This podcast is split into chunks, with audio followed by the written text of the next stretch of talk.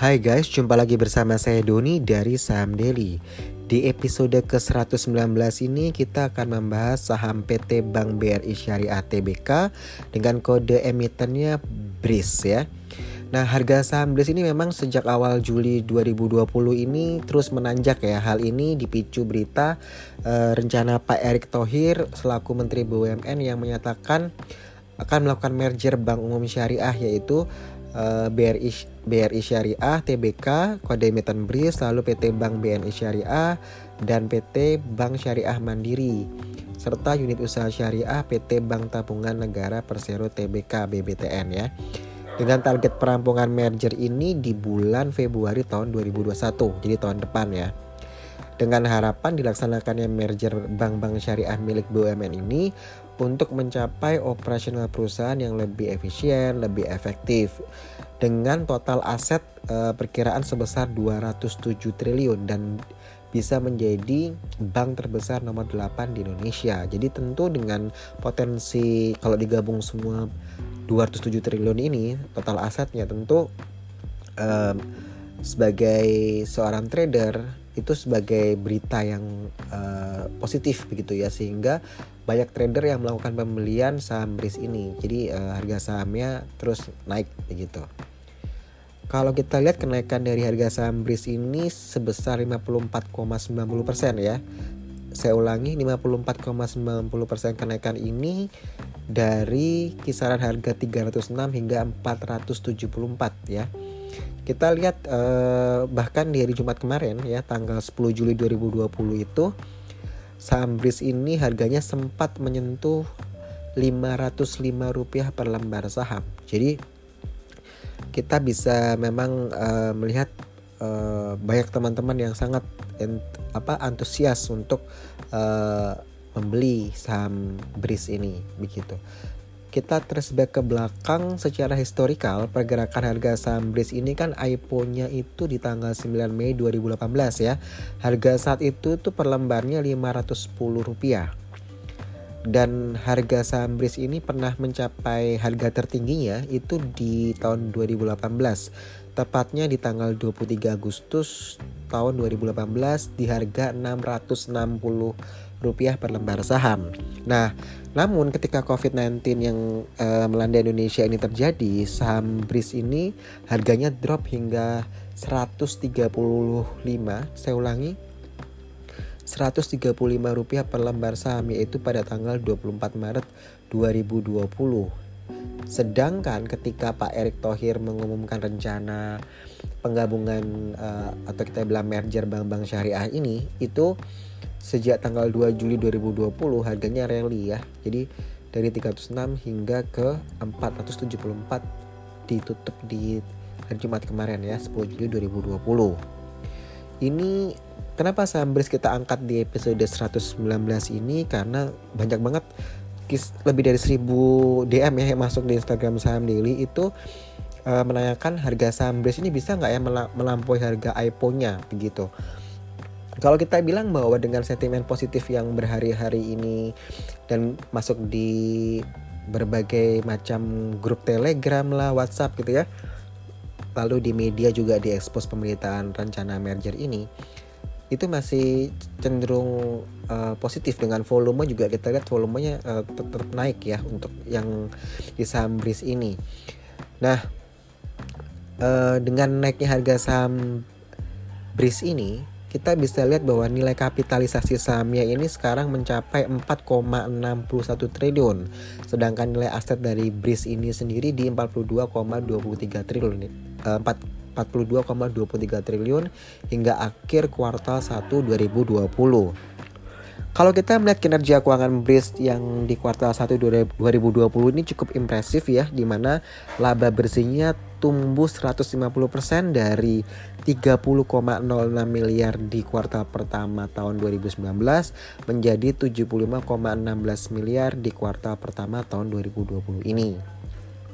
Nah, melihat hal tersebut ya dengan kinerja yang bagus di kuartal 1 2020 lalu juga rencana merger jadi uh, sentimen positifnya itu dua kali begitu ya sehingga memang uh, wajar saja kalau uh, harga sahamnya rally begitu ya.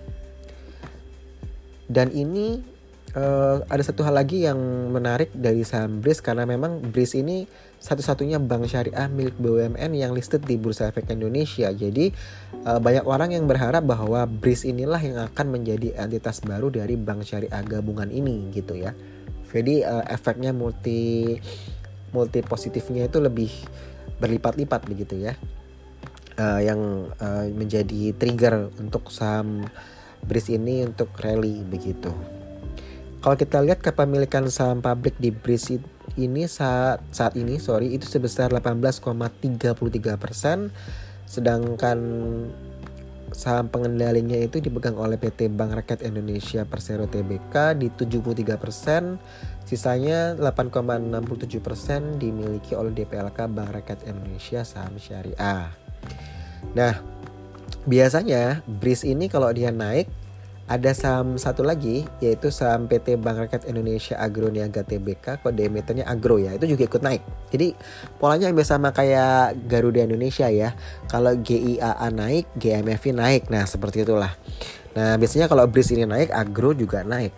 Kita tracing lagi kita lihat bahwa ketika eh, COVID-19 terjadi, saham Agro itu drop hingga ke harga Rp83 per lembar saham itu terjadi di tanggal 23 Maret 2020 lalu ketika tanggal 2 Juli 2020 harga saham agro ini naik ya dari harga 123 per lembar saham dan menyentuh ke harga 159 di hari Jumat kemarin ya di 10 Juli 2020 dan ditutup di sore hari sesi 2 nya itu ditutup di harga Rp150 per lembar saham.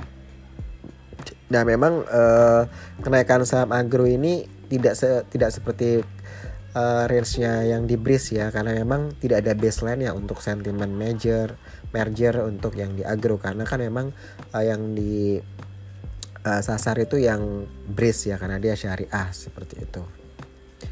Nah, uh, kita lihat lagi di DM Instagram saham Dili ini uh, hampir 1000 pertanyaan lebih itu pertanyaannya gini nih. Sampai kapan ya saham BRIS akan rally begitu? Lalu uh, saya pengen sih uh, ikut uh, membeli saham BRIS tapi apa sudah di harga pucuk ya? Ini saya takut nyangkut. Lalu ada pertanyaan yang saham BRIS ini cocok nggak ya uh, untuk dijadikan investasi begitu?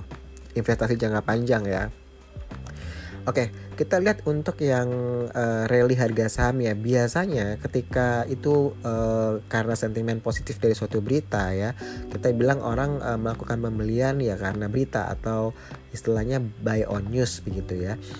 Ketika sudah tidak ada lagi pemberitaan di media yang mengangkat uh, mengenai rencana merger itu, biasanya harga saham akan terkoreksi ya tapi kita juga harus pertimbangkan bahwa di kuartal 1 2020 itu kinerjanya juga bagus begitu. Tadi saya ulangi ya bahwa saham BRIS ini kuartal 1 2020 kinerjanya bagus, lalu dapat uh, dua uh, faktor yang kedua adalah uh, rencana merger begitu. Dan yang ketiga adalah saham BRIS ini satu-satunya yang uh, syariah yang dimiliki oleh negara yang listed di Bursa Efek Indonesia. Jadi tiga faktor ini yang memang membuat dia rally.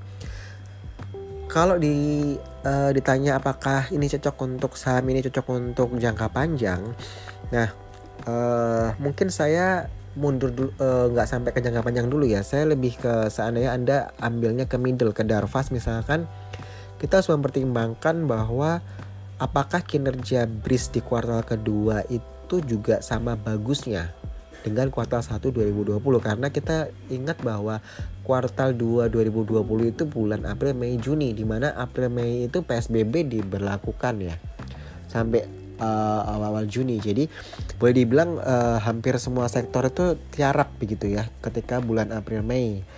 Nah ini kita belum bisa ketahui apakah uh, kinerjanya at least sama dengan kuartal 1 2020 atau lebih baik atau dia akan lebih buruk gitu ya.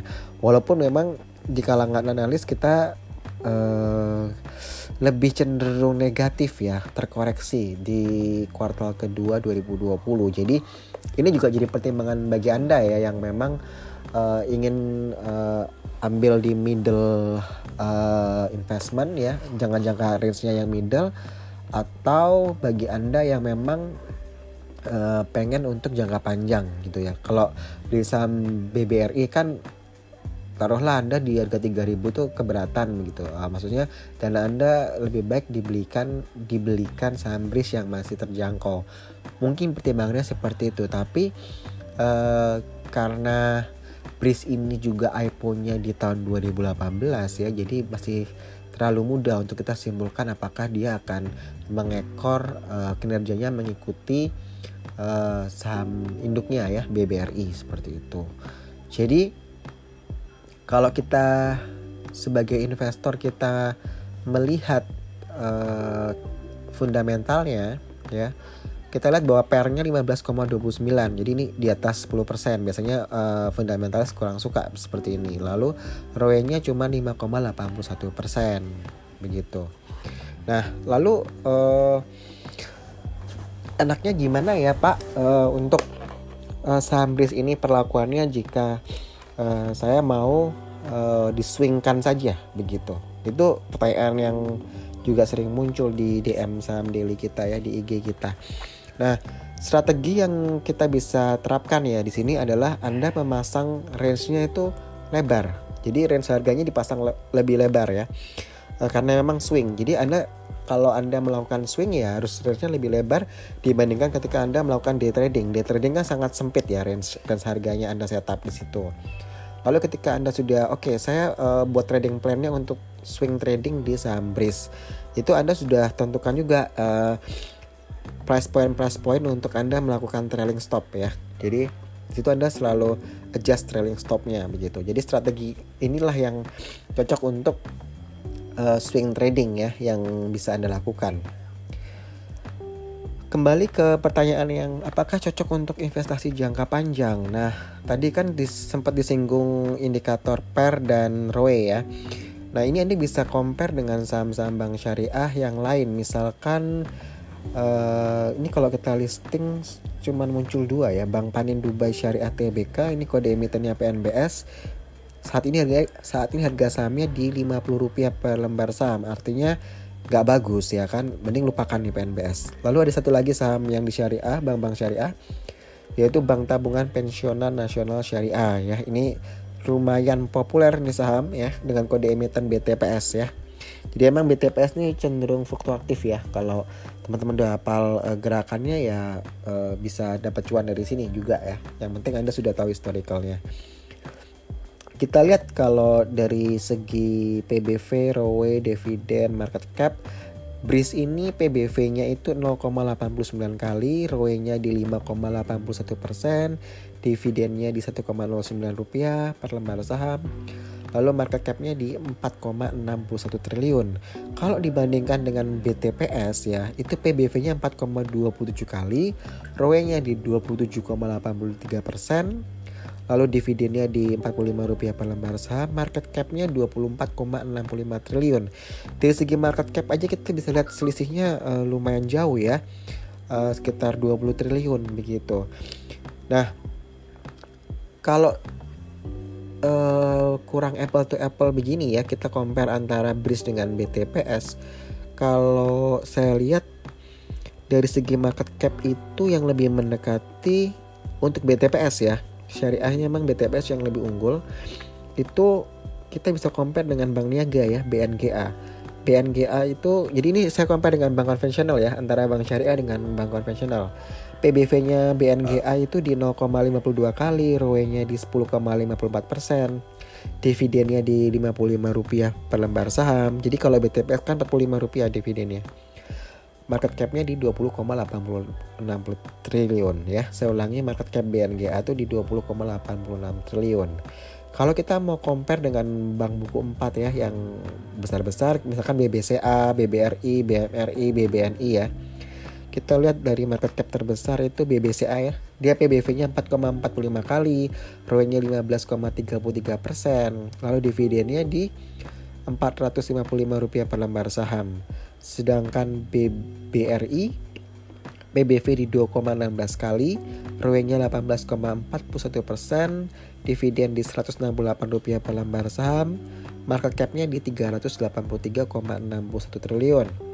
Lalu saham BMRI ya Bank Mandiri ini di PBV 1,39 kali, ROE-nya di 18,24%. Jadi ini hampir mirip dengan BBRI ya untuk ROE-nya. Lalu dividennya di 353 rupiah per lembar saham ya.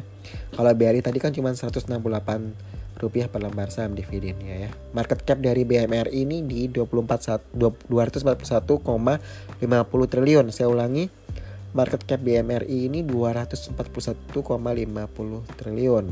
Untuk saham terakhir yaitu Bank BNI ya, BBNI ini PBV di 0,81 kali, ROE-nya di 15,82 persen, lalu saya ulangi ROE-nya BBNI di 15,82 persen, dividennya di 206 rupiah dengan market cap-nya di 87,09 triliun. Jadi kalau kita lihat harga saham Bank Niaga ya itu di 830 rupiah per lembar saham uh, 10 Juli 2020. Sedangkan saham BRIS itu di harga 474 rupiah. Jadi memang kalau dari, segi market cap ya eh, BTPS disandingkan dengan BNGA itu masih apple to apple. Tapi kalau BNGA eh, Bank Niaga ini kita compare dengan BRIS itu masih terlalu jauh ya karena harganya aja PNGA 830 rupiah sedangkan BRIS di 474 jadi secara market cap juga jauh ya 4,61 eh, triliun di BRIS sedangkan di BNGA 20,86 triliun jadi lima kalinya ya kalau BNGA ini nah kalau memang anda cuman berpatokan pada BRIS di compare dengan saham-saham yang BNGA, eh, BTPS, BBCA, BBRI, BMRI, BBNI memang jauh ya uh, jauh lah BRIS itu. Tapi kalau seandainya jadi merger ini ya dengan tadi kita perkirakan kalau sudah jadi mer di merger itu market capnya menjadi 207 triliun ini akan menarik ya. Karena kita bisa compare uh, saham BRIS ini seandainya seandainya ya dia dia yang jadi headnya untuk uh, merger ini itu kita bisa compare dia nantinya dengan saham dari Bank BMRI ya Bank Mandiri. Karena Bank Mandiri itu market capnya saat ini di 241,50 triliun. Sedangkan kalau seandainya BRIS ini jadi headnya ketika dia merger dengan 207 triliun jadi masih bisa apple to apple begitu. Jadi ini bisa menjadi pertimbangan ya bagi investor yang tadi niat untuk membeli untuk jangka panjang begitu ya. Nah ketika pertanyaan pertanyaan-pertanyaan yang tadi saya sempat bacakan ya uh, terlepas dari indikator indikatornya ini kalau kita misalnya ya belum bisa mendapatkan jawaban yang clear atau Anda belum merasa firm atau apa ya Anda belum merasa yakin dengan apa yang tadi saya sampaikan terhadap uh, BRIS sebagai investor Anda nggak boleh bukan nggak boleh uh, lebih baik tidak masuk di situ gitu di BRIS kalau Anda masih uh, gampang masih 50-50 tapi kalau dengan Anda melakukan uh, analisa ya Anda compare terus Anda yakin bahwa oh saya yakin nih Pak Erick Thohir ini pasti dia akan mewujudkan uh, apa merger dan itu pasti yang dipilih adalah BRIS misalkan ya. Karena kan cuma dia yang listed di Bursa Efek Indonesia. Tapi bisa akan juga akan berubah.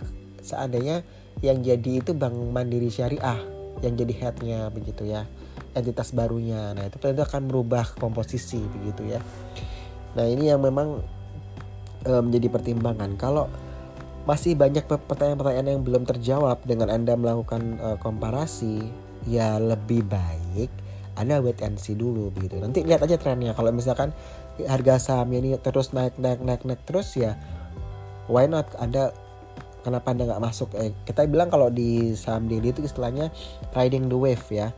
Ketika Anda uh, melihat bahwa memang trennya ini dan volumenya masih bagus ya kenapa anda nggak masuk untuk uh, day trading atau maupun untuk swing tapi kalau untuk investasi jangka panjang ya uh, nanti anda akan uh, apa ya harus saya rasa harus menunggu menunggu dulu gitu apa mem apakah memang ini akan terwujud atau tidak jadi masih ada arsen arsen tanti ya uh, ketidakpastian di sini gitu. Faktor ini yang mungkin uh, harus menjadi pertimbangan buat teman-teman yang mau melakukan investasi jangka panjang di saham BRIS begitu. Jadi semoga gambaran ini apa ya kita beri berikan beberapa berbagai pertimbangan itu supaya anda matang gitu. Kalau anda masih ragu-ragu ya jangan invest jangka panjang ya di BRIS gitu. Tapi kalau anda masih uh, kayak ngerasa aduh emang nih kalau nggak masuk nih kalau nggak ikut cuan. Nah berarti anda masih di uh, masih di day trading atau di swing trading uh, polanya ya. Jadi nanti kalau day trading ya anda lebih sempit harganya. Tapi kalau ketika anda setupnya di swing trading dilebarin ya range harganya dengan trailing stopnya di situ. Jadi semoga uh, ulasan kali ini bermanfaat buat teman-teman ya karena memang ini kalau saya listed lihat dari saya scroll lagi dari DM-nya yang masuk di IG saham daily itu ini lebih dari seribu loh. Ya bahkan kalau di total-total ya pertanyaan yang bermacam-macam ini biasa sampai 3000 4000-an nih. 3900-an ya. Ya yang tanya tapi uh, tetap tentang bris ya makanya kita uh, masukin ke podcast ini karena memang Breeze ini menjadi hot uh, topik di bulan Juli. Dan kemarin sempat uh, masuk juga pertanyaan mengenai Bank Niaga ya. Uh, karena di Jumat kemarin Bank Niaga melonjak. Uh, nah ini juga menarik tapi kita belum bahas mengenai Bank Niaga jadi kita uh, bahas yang Breeze ini dulu. Nanti mungkin kalau kita lihat kalau Bank Niaga memang uh, gaungnya gemanya hampir sama dengan Bris mungkin kita juga akan ulas tentang Bank Niaga ya. Tapi so far kalau buat teman-teman yang tadi banyak sekali bahkan ada yang telepon ya saking pengen dapat jawabannya uh, ya untuk Bris ini lebih cenderung ke day trading maupun swing dulu lah begitu. Jadi kalau investasi jangka panjang kita uh, tunggu kalau dia memang benar positif jadi entitas baru ketika dia merger ya. Semoga ini bermanfaat. Saya Doni dari Saham Daily out.